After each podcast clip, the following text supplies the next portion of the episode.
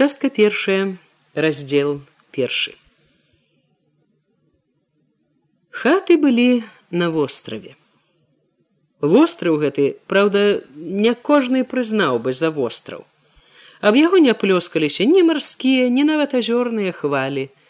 Навокал адно гніла куп'істая дрыгва, ды моклі панурыя лясы. Вёска тулілася ля берага вострава, платы, агародаў дзе-нідзе забягалі на куп'ё узболатка. З другога боку на поўнач балоты крыху адступалі дорычы людзям пясчанае поле. Адступалі балоты і на заходнім баку, дзе рунелі ці жаўцелі да краю лесу палі, таксама скупыя, няўдзячныя, хоць і ў глебе і было менш пяску. З поўдня балоты зноў падбіраліся да саламяных замшэлых радоў стрэх, але ў гэты бок ішла найбольш сувязь са светом і тут под рыгве была намошчана дорожка что гэта за дорожка можна меркаваць хоць бы з таго што ездзілі па ёй смела толькі ў маразы калі непралазная твань навокал рабілася цвёрдая як ток ці улетку калі дорожка перасыхала. Большую частку года востраў быў як бы адасоблены ад іншых вёсак і мястэчак Нават у непаганыя дні рэдкія газеты ці лісты ад сыновых братоў дабіраліся сюды у паляшуцкай торбе нялёгка. Каму было прыемна лазіць па гразі без вельмі важнай прычыны. Але і гэтая нямоцная сувязь са светам пры кожным зацяжным дажджы лёгка рвалася. Восенню цю вясной яна перарывалася на цэлыя месяцы. Багна, што страшна разбухала ад слоты і разводдзя, адразала востраў ад свету мацней, чым гэта маглі б зрабіць абшары вадзянога прастору. Многія дні людзі жылі як на плыце, які злая нягода адарвала ад берага і занесла ў мора. Трэба чакаць адно, калі спадарожны ветер ці лёс зноў падгоніць да зямлі. Але такое становішча тут не палохала. Людзям на востраве яно здавалася зусім звычайным. З усіх бакоў блізка і далёка ведалі яны такія ж самыя выспы сярод бясконцы багнаў дзікіх зараснікаў, што разлегліся на сотні вёрст з поўначы на поўдзень і з захаду на ўсход. Людзям тут трэба было жыць, і яны жылі. Аднастайныя нудныя дажджы, што месяцамі лілі на мокрыя стрэхі, сцюдзёныя вятры, што люта білі ў замёрзлыя вочки шыбы завеямі, цёплае солнце, што ўставала ў пагодныя дні над купамі алешніку. Всё бачыла гэты востраў заклапочаным у няспыннай штодзённай руплівасці. Людзі заўсёды чым-небудзь былі заняты. Уранку і ўвечары летам і зімою у хаце, на двары, у полі, на балоце, у лесе. Жылі ўжо курані і ў гэту чэрвеньскую рань. Калі сонца выпорснула першыя праменні між вяршынь цераморскага лесу, з камяноў на куранёўскіх стрэхах віліся ціхія ранішнія дымочки. У расчыненых хлявах там і тут чулася цырканне малака ў даёнкі, лагодныя строгія покрыкі жанчын. У некалькіх дварах гукі гэтыя перабіваў чысты працавіты клёхат жалеза аб жалеза. Касцы ладзілі, адбівалі малаткамі косы, рыхтаваліся ісці на балота. По пустой вуліцы з торбай цераз плячо, ніжучы босымі нагамі цёмны след на падбеленай расой траве, ішоў размахваў доўгай вераўчатай пугай яшчэ санлівы хлопец пастух. Ён час ад часу звон каляскаў пугай і аднастайна хрыпата пакрыкваў каровы, каровы, каровы. Голас яго пасля сну быў нямоцны, Высвільвацца яму не хацелася, і ён як бы памагаў сабе лянівым, але звонкім ляскам пугі. Вароты на вуліцу хутка расчыняліся, каровы павольна са шляхецкай паважнасцю сыходзіліся ў статак, які багацеў рыкам, пярэсціўся шырэў на ўсю вуліцу. Калі ён дайшоў да краю сяла, з апошняга двара высунулася рудая з белай лысенкай карова, якую падганяла чарнявая дзяўчынка з дубцом. Далучыўшы карову дастатка, дзяўчынка з дубцом подбегам вярнулася ў хату, але не выпаўз яшчэ статак з вуліцы, як яна ўжо з драўляным вядром у руцэ паявілася зноў на двары. Яна падышла да зруба калодзежа, які другім бокам выходзіў на суседні двор, бразнула, начапіла дужку вядра на круг вочапа. Журавель вырухнуўся, падаўся вочапам да вады, задаволена, радасна зарыпеў. Набраўшы вады, дзяўчына ўжо звыкла намерылася пацягнуць вочап і раптам адумалася, аслабіла руки, нахіліўшыся больш над калодзежам, прытрымліваючы рукой вочап, каб не вагаўся, яна стала глядзець уніз, чакаць, калі вада супакоіцца. Яна хацела мусіць паглядзецца ў ваду, але з хаты раптам пачуўся незадаволены крык: Ганно! Дзе ты нячыстая сіла? Ты я зараз нясу уже. Дзяўчына заспяшалася хутчэй, зняла вядро з вочапа і разліваючы на пясок ваду падалася к хаце. На суседнім двары каля хлява завіхаўся пры калёсах барадаты ў палатнянай доўгай сародцы дзядзька, квачом з дзёгцем, што масляна пабліскваў ад сонца мазаў вощі. Поблізу яго прывязаны да плота стаяў нязграбны галаваты конь ляніва штосьці шукаў у траве. У двары, што быў за гэтым, жанчына несла зелле свінні пад свінку, якія рохкалі і вішчалі так прагна, што віск іх на час заглушыўся іншыя гукі куранёўскай раніцы.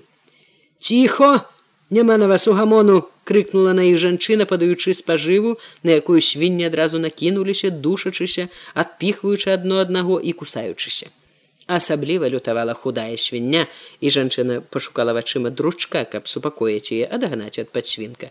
Але дручка не было яна злосна таўханула свінню парэпанай нагой прыгразіла вот я табе зараз з кожнай хвіліны курані ўсё больш поўніліся людскімі галасамі людскім рухам. На адным двары маці клікала сына на другім плакала залівалася слязьмі ў час разбуджанае дзіця У двор каля ліпы пажылы чалавек увозіў з пашы коня. З двара насупроць выганялі парасят і ішло за імі пакорлівае мурзатае дзіця, як старое, угінаючы плечы. У такі час з хаты, недалёка ад той, дзе дзяўчына брала ваду, выйшаў на ганак, пацягваючыся хлопец з хмурнымі заспанымі вачыма, з калматай не то русявай, не то цёмнай чупрынай, з упартымі губамі.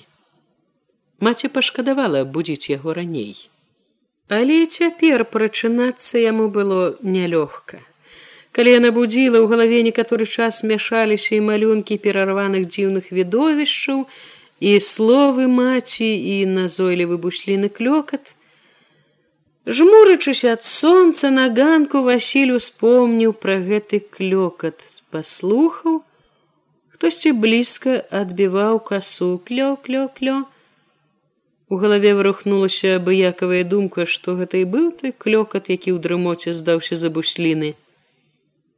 За гэтым на памяць прыйшлі яму словы якімі маці будзіла ўстань сынок встань бо ўсе ўсталі позна будзе ён зірнуў на сонца дзе яно там нізка ці высока і на момант аслеп ад яго бляску Ён было добра прыкмета адразу як бы ажыў, занепакоіўся.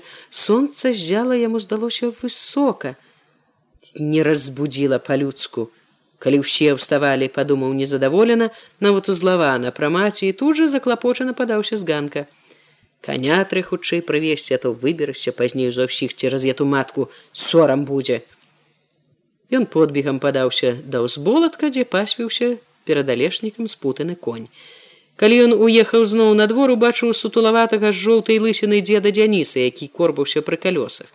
Дзед колькі дзён таму ловячы рыбу, вымак і прастудзіўся учора пластам ляжаў на печы, а сёння на табе таксама падняўся. Мо паправіліся ўжо, кінуў Васіль саскочыўшы з коня. Эге, паправіўся, панура пакруціў галавой дзед. Тым часам як дзіця, якое ў першы раз устало. Дык леглі б пайшлі то лежыш тут у е такі дзень дед правёў худой рукой под пузам коня.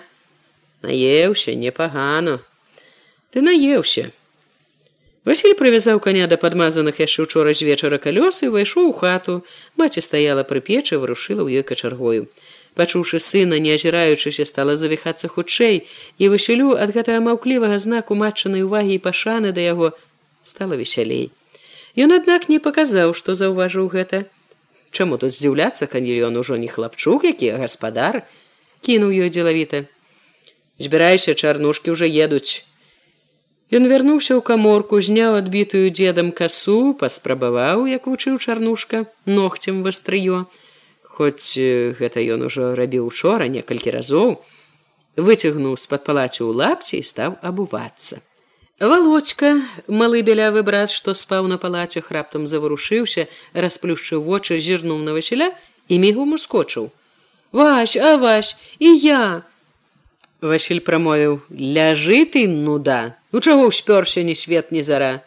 Вась ну возьми мяне з сабой трэба ты мне ну возьми Дарэмна володька чакаў адказу пазіраючы на брата вачыма якія прасілі і малілі ніяк не хочучы верыць у братнюю чэрствасць. Васіль маўчаў. Ён быў непахісны.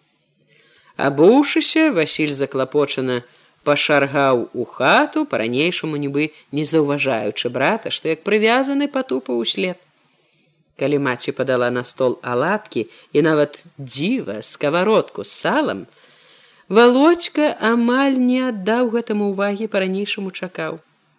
Ну вась ну дай тым часам паесці чалавеку сказаў дзед які ўжо гарбата сядзеў каля стола нічога не браў у рот. І сам еш глядзі от ласкава прыступілася маці. Яна знарок паклала перад володькам аладку і кавалачак рудога сала зірнуўшы на якое володька не ўтрываў і на час адстаў ад брата.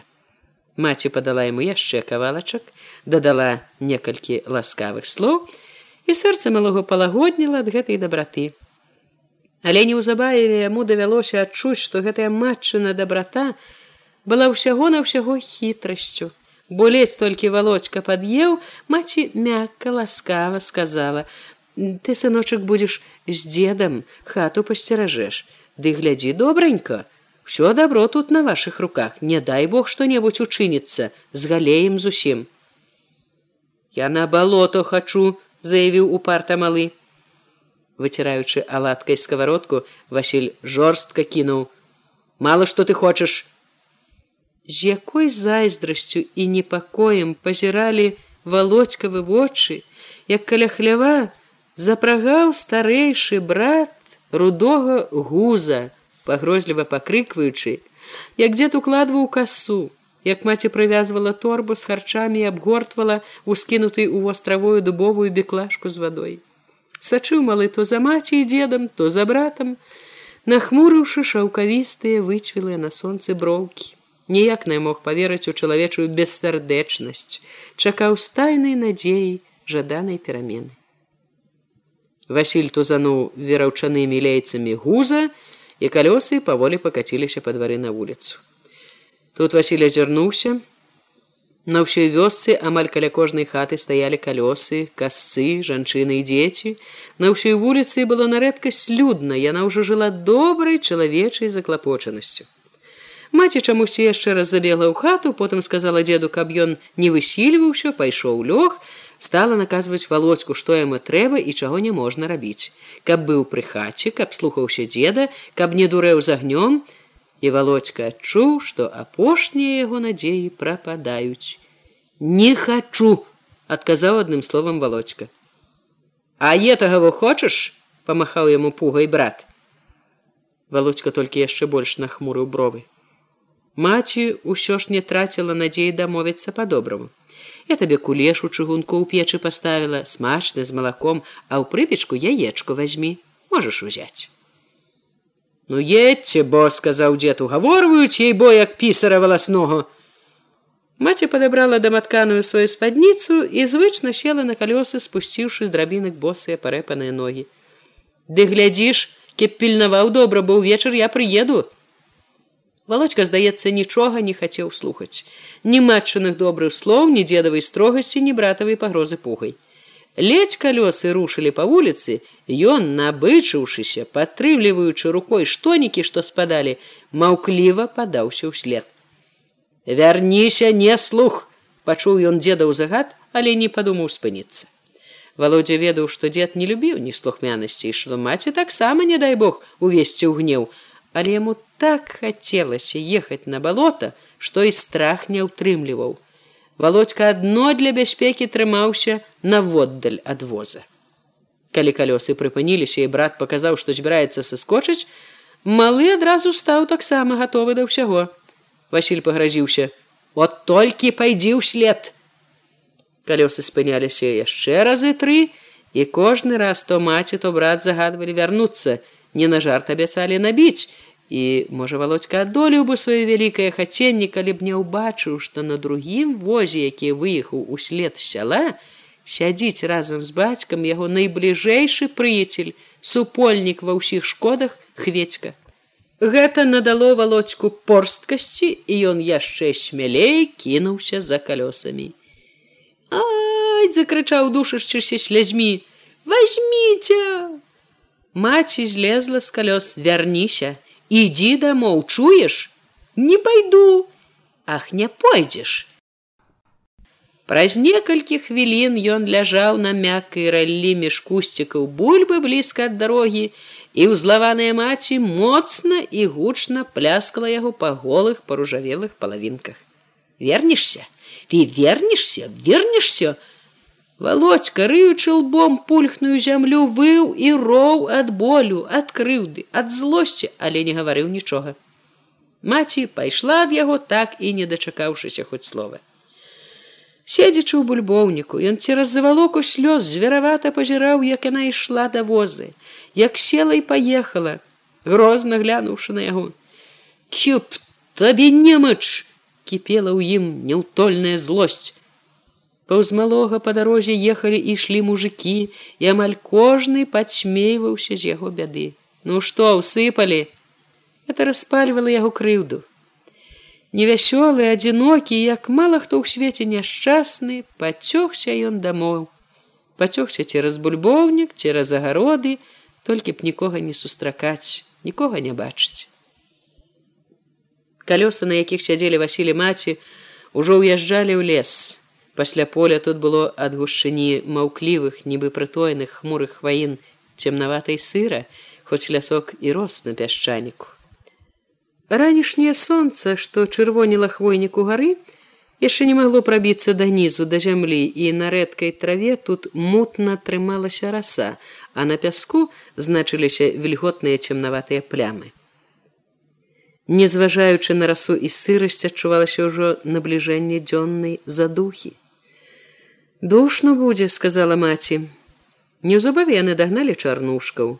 Можна было б ехаць за імі аддаючы знак пашаны дзядзьку ці моху як старэйшаму. І можа ў іншых абставінах василь так і зрабіў бы.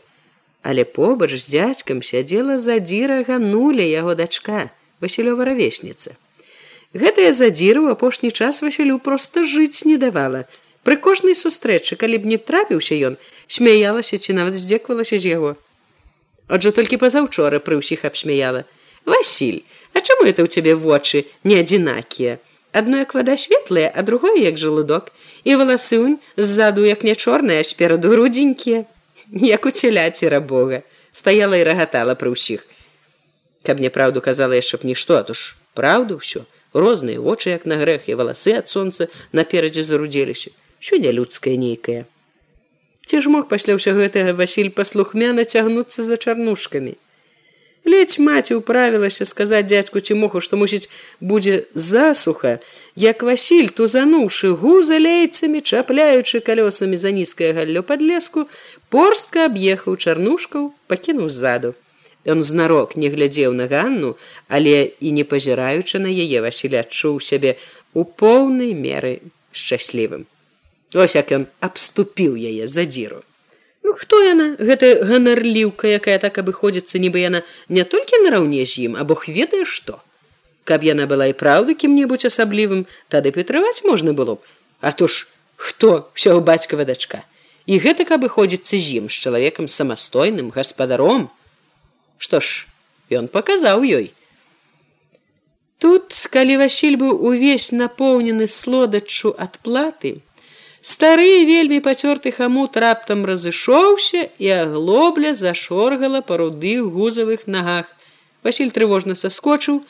Нічога страшнага не было просто парвалася супоня. Васіль хутка звязаў парваныя канцы, але калі паспрабаваў, пацягнуўшы з усяе сілы, ці моцна завязаны вузялок, той разышоўся, прыйшлося зноў звязваць. Калі паружавеўшы ад натугі сцягваў супоню на хамуце, побач зарыпелі калёсы дзядзькі цімоха. Што такое? І супоня зараза. Гануля весела зіркнула. Ён супоню дома забуў. Васіль ад такой абразы аж перастаў сцягваць хамут. Калёсы дзядзькі Тимоха, а на іх дзядзька хведькай задаволеная гануля прайшлі паўз Васіля і сталі пакрыху аддаляцца. Ну ты знаеш, Васіль не ведаў, што сказаць. У чужое проса не ўтыкай носа. Ён прамовіў гэтыя словы даволі ціха, больш для маці ды для сябе, каб супакоіцца. І наогул хіба добра было б, Яму, няхай маладому чалавеку, але ж мужчыны гаспадару, старшаму ў сям'і звязвацца з нейкай дзяўчушкай. Але ні словы, ні думкі гэтыя не вярталі яму спакою і раўнавагі. Васіль ехаў цяпер пануры, паглыблены ў свае думкі. Ён наогул быў схільны да развагі, не любіў вельмі адкрываць сваю душу, асабліва калі ў ёй вырушыліся думкі, невясёлыя, нядобрыя. Пахістваючыся крыху горбічыся, хмурачы яшчэ дзіцячы лоб, ён міжвольна прыгадваў дзей, калі яна казала што-небудзь крыўднае, думаў, як аддзячыць ёй. У думкі гэткія хутка упляліся іншыя.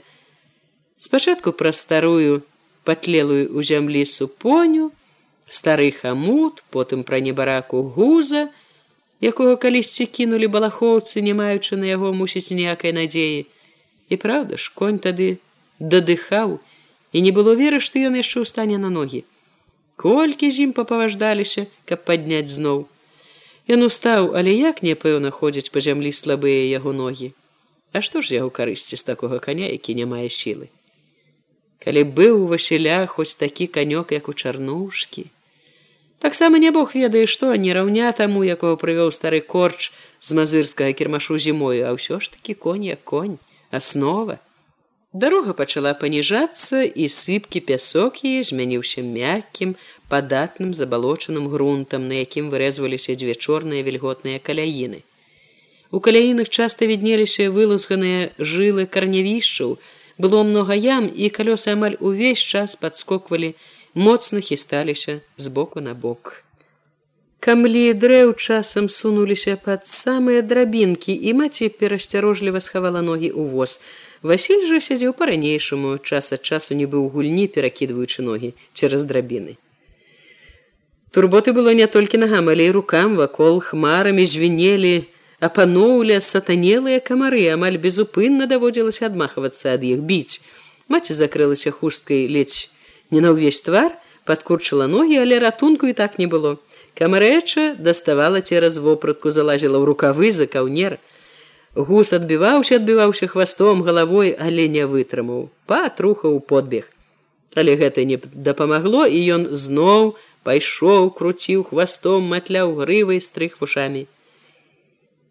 Лес тут быў зусім іншы, як на пясчаніку. Рослыя з чорнымі быццам апаленымі камлямі, з дзіўна паточанай карой старыя алешаны танулі знізу у густым балотным разнатраўі, у маладой порашлі алешын у гнілым асклізлым ламатчы. Алешнік вельмі часта мяшаўся з лазняком, што рос моцнымі дружнымі купамі, уздымаючыся ў лясны прыцемак, шызыя кучары пераплеценага галля. У лесе буяла мноства злой палючай лясной крапівы, што дзе-нідзе ўздымалася загонамі ў чалавечы рост. Глядзі ты колькі выперлася яе этой поскудзі мімаволі праплыло ў галаве Васіля. Якая як каноплі! З-за павароту ён зноў убачыў наперадзе чарнушкавы калёсы белую ганіну хустачку і думкі яго вярнуліся к дзяўчыне. Я этого табе не забуду. Пабачыш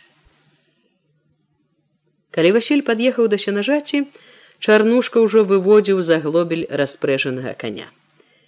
Хведька, прысеўшы на ўколенцы, штосьці зацікаўлена разглядваў у траве, а Ганна перакладвала пад калёсы беклашку.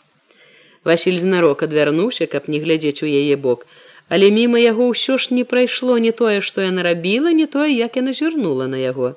Зірнула з усмешачкай, і Васілю здалося, што з яе язычка зноў сарвецца штосьці кпліва і крыўднае. Яна прамаўчала. Васіль, а мо тут станем, прамовіла маці разам з імі. Мясцінка глядзі, якая. Надзелы чарнушкаў і васілёвай маці былі побач. Васіль у іншы час так і зрабіў бы, як сказала маці, гэта было зручна і выгадна, спакайней было б і за коні і за калёсы, за якімі назіралі б і чарнушкі. Але сёння сын панура заўпарціўся. Мясцінка як мясцінка. Ён суняў коня далей крокаў праз трыццаць ля куста маладога арэшніку. Азірнуўся, кінуў позіркам даволі вялікае, акружанае з усіх бакоў лесам балота, На балоце тут і там кучаравіліся кусты лазы, якія дзе-нідзе зрасталіся ў цэлыя астраўкі. Але Васіль не даў аніякай увагі гэтым астраўкам. Яго больш зацікавіла, што на балоце яшчэ было многа вады, часам цэлыя разводдзі. Вада была і на яго надзеле. Чорт бы яе пабраў, падумаў Васіль. Пры ўзлесках амаль усюды стаялі калёсы, завіхаліся людзі. Нямала людзей было і на балоце ўжо дзень ідзе, хтосьці касіў. Стрынужыўшы гуза, Васіль пусціў яго пасвіцца, вярнуўся к калёсам і выцягнуў касу. Ён развязаў анучку, абгорнутую вакол ножа касы і ўскінуўшы касу на плячо, перапоўнены гонарам, стрымана, паважна падаўся да сенажаці. Маці маўклівая і паслухмяная пайшла ўслед за ім. Тут наши адсюль он датуль, дзе калок, сказала яна. Яна магла б і не гаварыць гэтага, бо Васілі сам ведаў свой надзел. Ведаць ёй проста было няёмка стаяць каля сына. Васіль заўважыў на яе твары ў складцы родных губ вырас нейкага шкадавання і вінаватасці і строга прамовіў: « Знаю. Уваткнуўшы канец касця ў мяккую зямлю, трымаючы моцна рукой тупы край касы, Васіль стаў мянташыць адмахнуўшыся ад камароў коса зірнуўшы на чарнушкаў убачыў што ці мог яшчэ корпаецца каля воза і задаволена падумаў што пачынае раней расставіўшы по мужчынску ногі моцна упінаючыся ў грунт ён размашыста правёў касой і трава шыркнула паслухмяна лягла злева акуратнай кубкай Ён правёў другі раз трэці трава злева стала выцягвацца ў вільготны зялёны рад. Хутка ногі яго ступілі на пакошу. Перад ім быў лапік чыстага скошанага ім. Хто гэта казаў што ён яшчэ зялёны касіць? Што яму быццам кашы яшчэ трэба многа кашы можа каму-небудзь і трэба толькі каму іншаму але не яму не васілю Праўду кажуць, што касіць справа неабыякая. Мужчынская справа. Тут трэба і сіла і спрыт. Умець трэба але ў васіля ўсё гэта ёсць. Глядзіце як ладна шыркае ў яго каса як кладзецца даўжэй рад. Шырк шырк. Згодна прамаўляла ўлад васілёвым думкам каса ён адчуваў што ззаду стаіць маці пазірае ўслед ласкавая і гордая і ад гэтага ў руках і нагах сілы быццам большала. Разам з маці, акрамя яе ён адчуваў за спіной яшчэ адну істоту зусім іншую, чым маці, кплівую і нядобрую, якая можа быць таксама сочыць за ім сваім падсцярожлівым позіркам. Ну што ж, няхай сочыць яму гэта ніяк не абыходзіць. Васіль заўважыў, што дзядзька ці мог таксама пачаў павольна, мерна махаць касою. Ён ідзе паціху крыху горбячыся. Васіль таксама крыху прыгорбіўся, так ходзяць усе сталыя людзі. Убачыўшы, як дзядзька ідзе, успомніў, што галоўнае пры касьбе не спяшацца, не высельвацца, каб не змарыцца да пары. Задумаўся, не асцярогся і каса з нянацку з усяго маху урэзалася ў нешта цвёрдае. Хуп пінака б яна правалілася. Василь хутчэй выцягнуў касу і коса зірнуў на чарнушкаў ці не заўважылі. Что там вась адгукнулася маці. Нічога ён сказаў рэзка незадаволена спагнаў на ёй прыкрасць. Няхай не крыўдзіцца, няма чаго стаяць ды глядзець, калі чалавек заняты. Маці нібы здагадалася пра яго думкі. Я пайду к каню, памагай табе Бог. Яна перахрысціла яго, блаславіла і, уздыхнуўшы, пайшла калёсам. Васіль, не нагінаючыся, каб не паказаць быццам нешта здарылася, агледзеў касу і супакоіўся. Каса была цэлая. Ён зноў правёў па траве, каса ішла добра, як раней, Касіў ён цяпер асцярожней, сачыў за куп'ём, якое пачынала трапляцца ўсё часцей часцей. Трава тут была небагатая, найбольш асака. Э, удзялілі дзяляначку, растуды іх, падумаў ён і ўспомніў, як крыдувала маці, вярнуўшыся дамоў пасля падзелу. Ведама, адна без чалавека няма каму пастаяць. Нічога, я то ўжо апошні раз, Цяпер я возьмуся, нехай паспрабуюць зрабіць яшчэ так. Праўда, у чарнушкі таксама надзел не лепш. Ну што ж, он сам вінаваты, ціхі занадто, яму хоць палец у рот пакладзі. Нехай сам абабіваецца, калі такая ўрода, А Васіль не дасць, каб плалі палец у рот, не дапусціцца. Нагам стала мокра, спачатку вада толькі чулася, дзе па сталы ўціскалі па кошу, потым стала хлюпаць мішку п'я. Неўзабаве Васіль ужо ўвайшоў у ваду, якая абступіла нібы на нова абгарнула ногі. Анучы ўраз прамоклі, калошаны знізу таксама сталі мокрыя, і ногі зрабіліся важчэйшыя, быццам самі набраклі вадою. Адна моклай тканіны ногі першы час, пакуль не прывык крыху, непрыемна казытала, але Васіль амаль не звярнуў на гэта ўвагі. Хадзіць па балоце даводзілася ўжо нямала, і ў пасталах і без пасталоў, І ўсё такія дробныя прыкрасці здаваліся звычайнымі. Горш было тое, што скошаны рад цяпер лажыўся ў ваду, трэба будзе зграбаць у вадзе, несці на сухое і раскідваць там, каб прасохла. Столькі лішняга клопату. Вось што добра вада цёплая, не студзіць ног, не гоніць дрыжакаў па целе, як у іншыя дні ў восень або зімою, калі ад халодных мокрых ануча жду займае. Цёплая вада і дзякуй Богу. Ідзі хлюпай па сталами, вядзі касой мерна роўна, справа налево, справа налево. Праўда, трошки цяжэй стала ісці, касу трэба амаль увесь час трымаць на весу. Многа вады. Ну касіць тут не тое, што на сухім месцы. Запатай любога куранёўцы, ён табе скажа, што мокуць чортава месца гіблае для касца. А чаго это яе етуюся нажаць так завуць? Мокуць, падумалася Васілю хіба ж толькі таму што недалёку сяло якое называется мукць? Пэўна кеп суха тут было то на сяло не паглядзелі б. Далі плугу мянушку не такое а так от мокуць і мокуць. Мокрае гіблае месца. Часам каса чапляла ваду здымала раскідывала пырскі. Яны разляталіся вясёла паблісквалі на сонцы. У вадзе каса шыркала інакш як без вады. Гушчэй вашчэй працяжней. Всё мацней угравала, пот мачыў цвёрдыя двух колераў валасы, поўс на лоб апалены сонцам засцілаў вочы, цёк на кволае яшчэ амаль дзіцячыя грудзі, прыклейваў да спіны ушчэн змакрэлую сарочку. Каса станавілася ўсё цяжэйшая. Рукі наліваліся ў томую, балелі ў локцях і плячах, слабелі.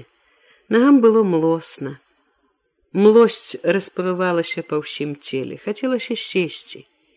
З цягам часу жаданне гэтае не толькі не адыходзіла, ўсё мацнела, сесці хоць на купіну, хоць у ваду пасядзець трохі адпачыць, а там можна зноў стаць і зноў ісці. Але Васіль не сеў, Ён трываў. Это было ўжо не ў навіну цярпець, адольваць стому, адганяць прываблівую спакусу пагуляць, паленавацца зялёны гэты хлопец ужо з найпершага маленства адчуў што жыццё невясёлае бесклапотнае свята а найбольш доўгі і клопатны будзень што трэба цярпець. З усіх мудрасцей жыцця ён як адну з найпершых уведаў трывай цярпі. Усім цяжка бывае усе церпяць цярпі ты. Гэтаму яго вучыла маці вучыў небагаты і немалы горкі вопыт. І ён цярпеў. Аблізваў салёны пот з губ выціраў валасы выцягнуў ні сарочкі са штаноў каб ветрык мог дайсці астудзіць. І ўсё ж якая цяжкая была цяпер каса. Як цяжка было адганяць млосць і слабасць у руках і нагах. Як хацелася сесці просто дзіва. Ужо ні пра што не думалася не пра тое дзе цяпер дзядзька ці мог перагнаў ці не. Нават пра тое што вось ён васіль не зялёная стала чалавек гаспадар. Толькі калі ж не могся зусім. Калі дрыготкія бясшільныя руки опусцілі страшэнна важкую касу і не маглі ўжо скрануць уваткнуў касёў купіну падаўся да калёс. Ішоў важка павольна цягнучы ногі што хлюпалі ў цёплай вадзе з выгляду гэта быў падлетак худы даўгарукі з тонкай шыяй а па хадзе па прыгорбленай постаці мужчына. Васіль ішоў нібы напіцца. Маці завязаўшы хустку па дзявочы як касынку камары ўжо не назалялі горача зграбала траву абярэмкамі на граблях зносіла на сухое. З травы цякла вода і маці старалася трымаць абярэмак і граблі перад сабою на сухой пакошы ўжо было круху разасланай травы. Кінуўшы траву яна зірнула на яго і васіль заўважыў як на твары яе з'явілася шкадаванне. Хмурная страсянула мокрую спадніцу. Перадыхні паляжы унь там у цяньку правімся нідзе не дзенецца трава етая калі ён паваліўся ў траву каля воза нахілілася пяшчотна пагладзіла яго па галаве под вечар стары чарнушка і васілёва маці сабраліся ў сяло маці трэба было ехаць каб накарміць валочку падаіць карову дагледзець гаспадарку У чарнушкі ж дома была хворая жонка. Хвечка і Ганна засталіся начаваць на лузе. Заставаліся тут і беклашка, і каса, і латаная світа, Нашто ж вазіць туды-сюды без прычыны. Трымайся, калі Васіля, наказаў чарнушка дачцэ, сеўшы на калёсы. І ты, Васіль, глядзі за імі. Дзеўка яна дзеўка і малое, і маці задаволеная тым што чарнушка узяўся подвесці ахвотна падтрымала. Жывіце дружненько!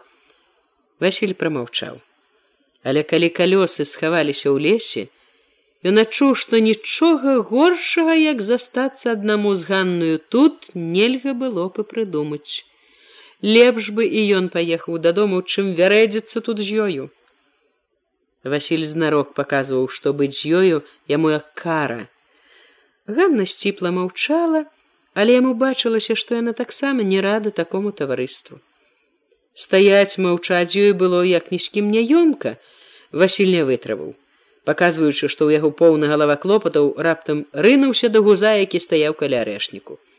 Хлопец звадзіў каня да азярца, амаль ушчэнт зарослага асакою, напаіў, да азярца было ж вярсту і пакуль вярнуўся, на балота леглі першыя поцемкі. Павеяла сырасцю стала халаднавата. Наводдалек у лазе пачаў збірацца туман. Жывіце дружненько успомніў василь матчыныя словы убачыўшы ганну якая штосьці гаварыла брату. Дружненько. І скажаш ей богу Ён падумаў што будзе трымацца свайго воза і туды да чарнушка ў больш не пойдзе. Але прыбег хвечка дядзечко хадзем к нам!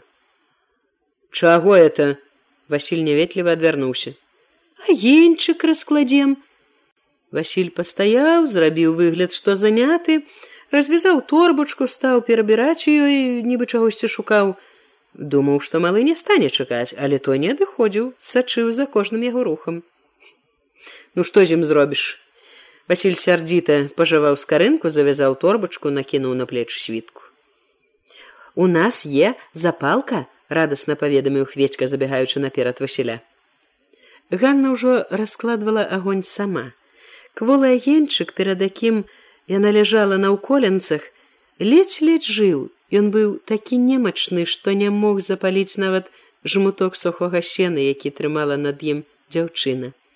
Амаль прыпаўшы тварам да агеньчыка, не быў паклоне, старалася вярнуць ганна яму жыццё, дзьмухала, падтрымлівала, а ён тле ўсё слабей. Дзяўчына была ў адчаі. Да я. Васіль стаў на ўколенцы поруч з ёю, яна крыху адсунулася, але не адышла. Так яны некалькі хвілін і ляжалі плячо каля пляча, намагаючыся ажывіць агеньчык, што канаў. Шчаку Васіляка затала пасма яе валасоў, незвычайна блізкая, а ён не адхіляўся. Яго быў адзін клопат, адзін непакой. Агеньчык патух. Ханна ўстала, уздыхнула, стала чуваць, як гудуць камары. Ну нічога, я пайду пазычу вугольчык, прамовіў суцешліва Васіль. Вакол у розных месцах свяціліся ў цемры некалькі агнёў. Ён выбраў самы блізкі і хутка на цянькі пакрочыў на вясёлы гэты бляск. Каля агню ў круг сядзелі стары глушак халімон, празваны па вулічнаму карчом. Сухенькі, няголены фарсісты карчоў сын Яўхім і іх парабак малады рабаваты хлопец з-за прыпяці. Вячэрылі. Васіль павітаўся. Што скажаш чалавеча, лагодна сціпла сказаў стары. Вугольчык пазычце. Еўхім устаў, плюнуў на далоні, прыгладзіў чуб. Фарсун ён і тут ужо быў у крамным піджаку у ботах. Свой трэба мець. А вам што шкада? Ну шкода не шкода, трэба мець. Цяпер жа уласць все для такіх стараецца я ўхім адгукнуўся строга нават грозна бацька паперхнуўшыся куляшом стары глушак лагодна зірнуў на васіля. Бяры чалавечы ён смяецца не я сур'ёзна. Аб'етаму напісана ў беднаце я ўхім павысіў голас стары корч. Пасля паўзы ён запытаўся строга. Ты куды? Да ў долі салдаткі. Ці то чырвонаармейкі?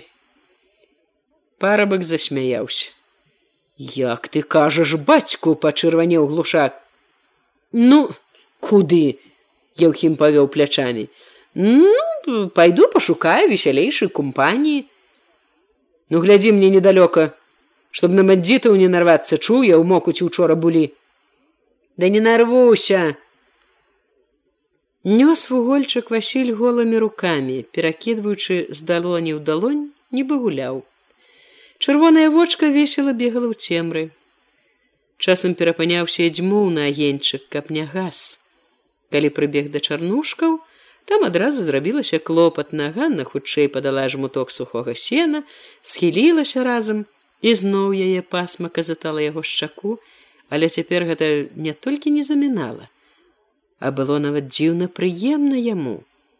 Яны разам дзьмулі на вугаль, на сена і гэта таксама было прыемна.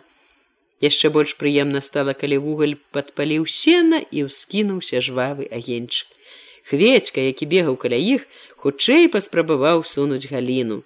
Куды ты такую дурны, ну і дурны ты! Ганна адпіхнула галіну і чамусьці засмяялася. Нічога асаблівага не было ў гэты вечар, але памяць пра яго грэла і трывожыла іх потым многія гады.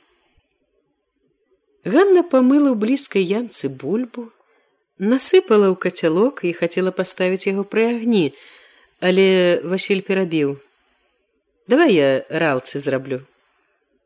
Ён стараючыся не траціць паважнасці по-мужчынску, стала пакапаўся ў ламачы, што было каля вогнішча, выбраў дзве дубовыя голькі, выразаў з іх ралцы і уткнуў у зямлю. Зрабіўшы перакладзінку, паспрабаваўшы яе моц у руках, узяў у ганны кацялок і павесіў над агнём. Так лепей, прамыў Васіль пад канец. Ганна прамаўчала, але ў яе маўчанні ён пачуў згоду. Для Васіля гэта было ўцехай. Яны сядзелі адзін супраць аднаго, глядзелі на ваду, што пачынала кружыцца, зацягвацца белай малочнай плеўкай. І хоць не гаварылі ні слова дзіўна разумелі чулі адзін аднаго. Між іх жыла незвычайная лагода і добрая згоднасць. Не ўмаўляючыся узялі яны кожны сабе абавязак і глядзелі яго. Ганна здымала накіп з вады сачыла за кацялком. Васіль падкладваў ламачча каб вогнішча не спадала. Пакуль варылася бульба Ён з хвечкам некалькі разоў схадзіў у лес, падбавіў галля, і толькі тады, калі запас быў зроблены добры, зноў сеў перад агнём. Калі Ганна, зліваючы ваду, попрасіла яго вячэраць, Васіль ад звычкай, якой трымаліся амаль усе ў куранях, ад прыроджанай схільнасці да адзіноты, що ж хацеў быў адмовіцца. Я пад'еў уже. Ну калі ты там еў, як гаспадыня запярэчыла яна садзіся ну нядобра без гарачаго Васіль паслухаўся але без ахвоты. Ён прынёс ад свайго воза паўкаравая хлеба брусок сала і жменю зялёнай цыбулі паклаў перад ганнай на хустку. Вячэрылі маўклівыя насцярожаныя нязвыклыя да такой нібы сямейнай блізкасці Абдзіраючы ліпкую шкурку з бульбін, Васіль хмурыў лоб і ўсім сваім выглядаў паказваў, што ён зусім не бянтэжыцца, што яму ведама, як належаць у такім разе трымацца мужчыну, але вачэй на ганну не падымаў і ў думках злаваў на свае асабліва непаслухмяныя пальцы. Толькі адзін хведька мусіць не зважаў ні на што.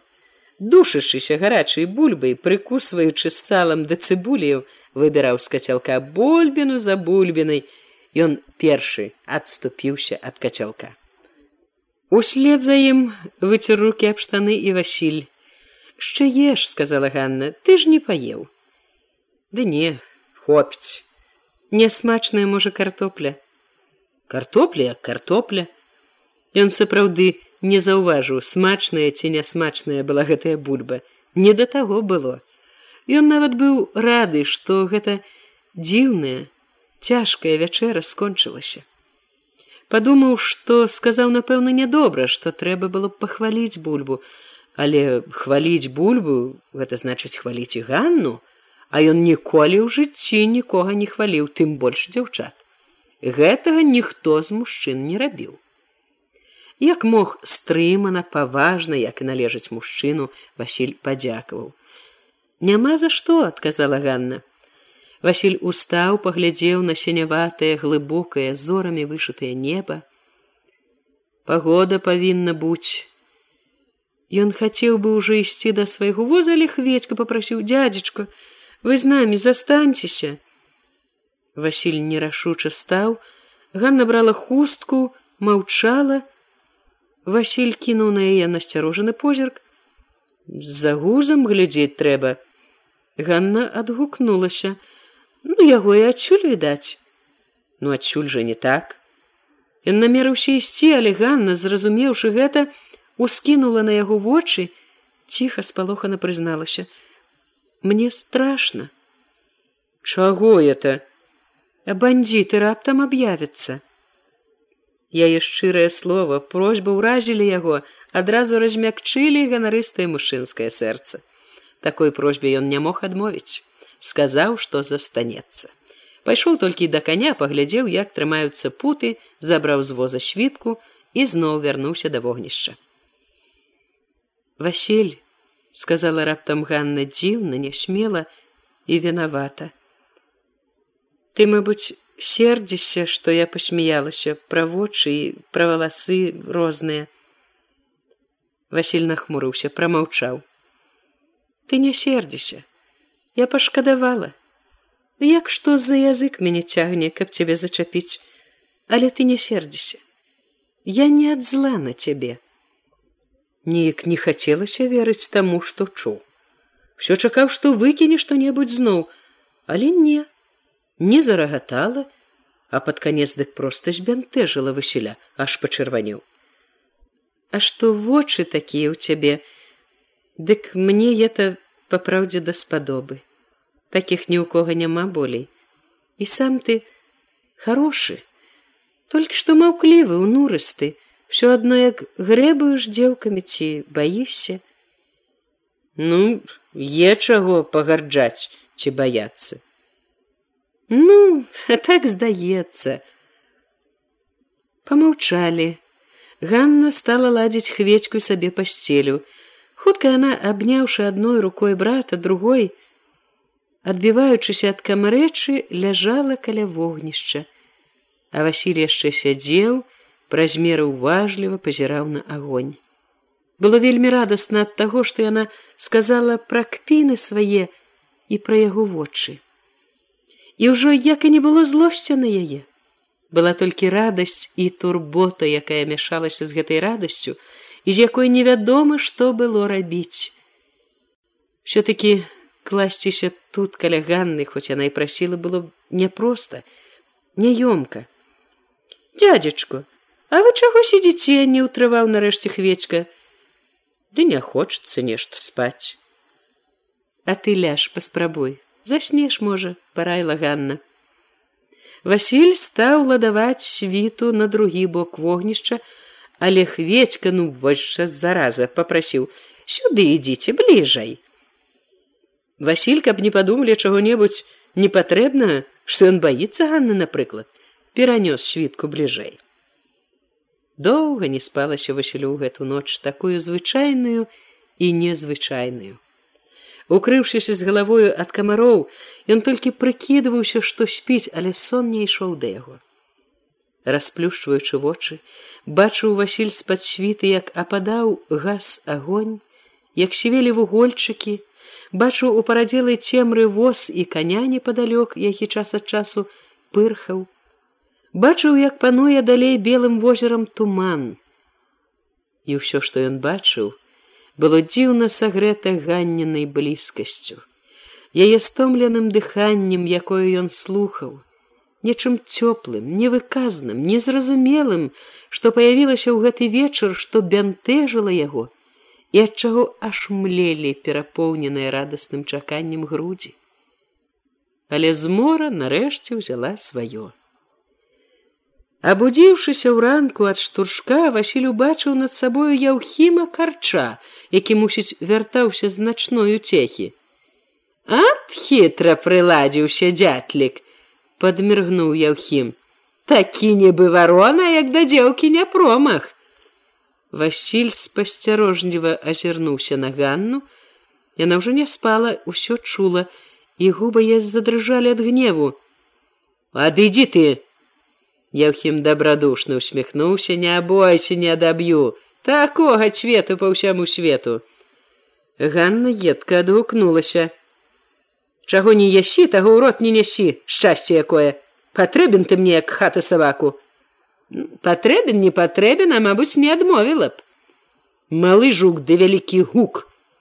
Яна сказала гэта з такой абразлівай насмешкай, што Яўхім адразу не знайшоў што і сказаць не зважаючы на яго ганна попрасіла васіля ласкава я хутка паснедаць чаго зраблю. Прыходзь. Добра? Добра ну язык бог даў! Яўхім сплюнуў павёў плячом і ляніва пацягнуўся да свайго табара